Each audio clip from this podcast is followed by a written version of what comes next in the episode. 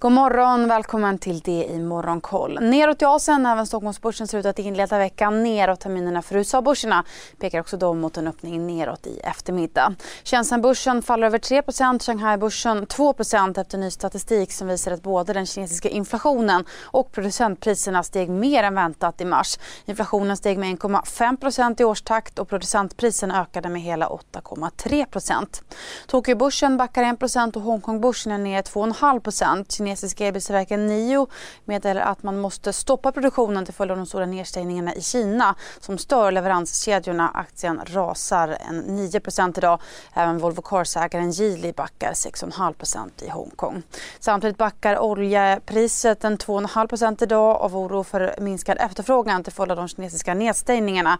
Brantoljan kostar 100 dollar fatet.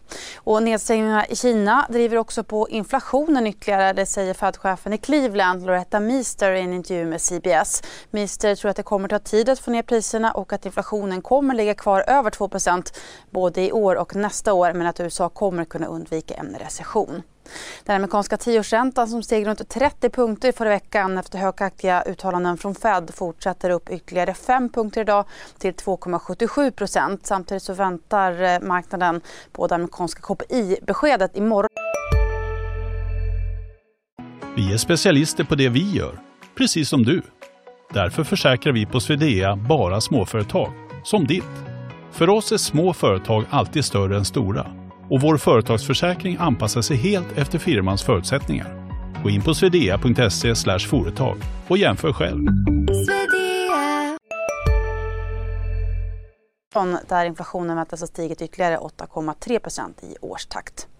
Och det blev mestadels en stängning neråt på Wall Street i fredags. Fredagsbefallet backade svagt och till 90 och Nasdaq föll 1,5 Twitters nya storägare Elon Musk kommer inte ta plats i bolagets styrelse som det var tänkt enligt Twitter-vdn Parag Agrawal.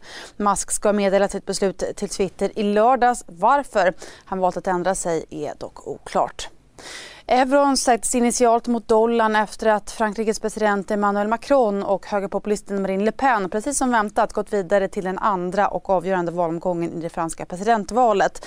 Det är dock mycket jämnare än analytikerna förutspått mellan de båda kandidaterna. Utgången i valet ses ju som avgörande för Europa och EUs enade ståndpunkt gentemot Ryssland.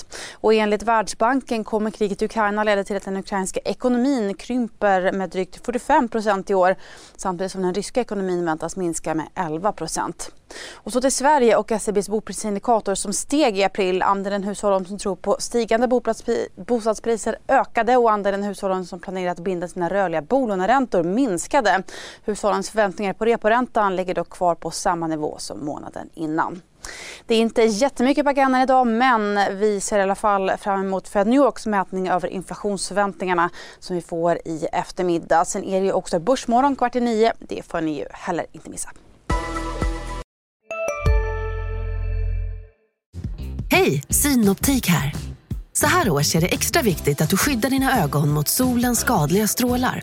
Därför får du just nu 50% på ett par solglasögon i din styrka när du köper glasögon hos oss på Synoptik.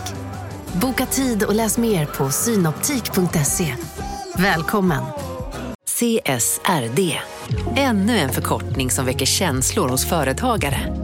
Men lugn, våra rådgivare här på PWC har koll på det som din verksamhet berörs av.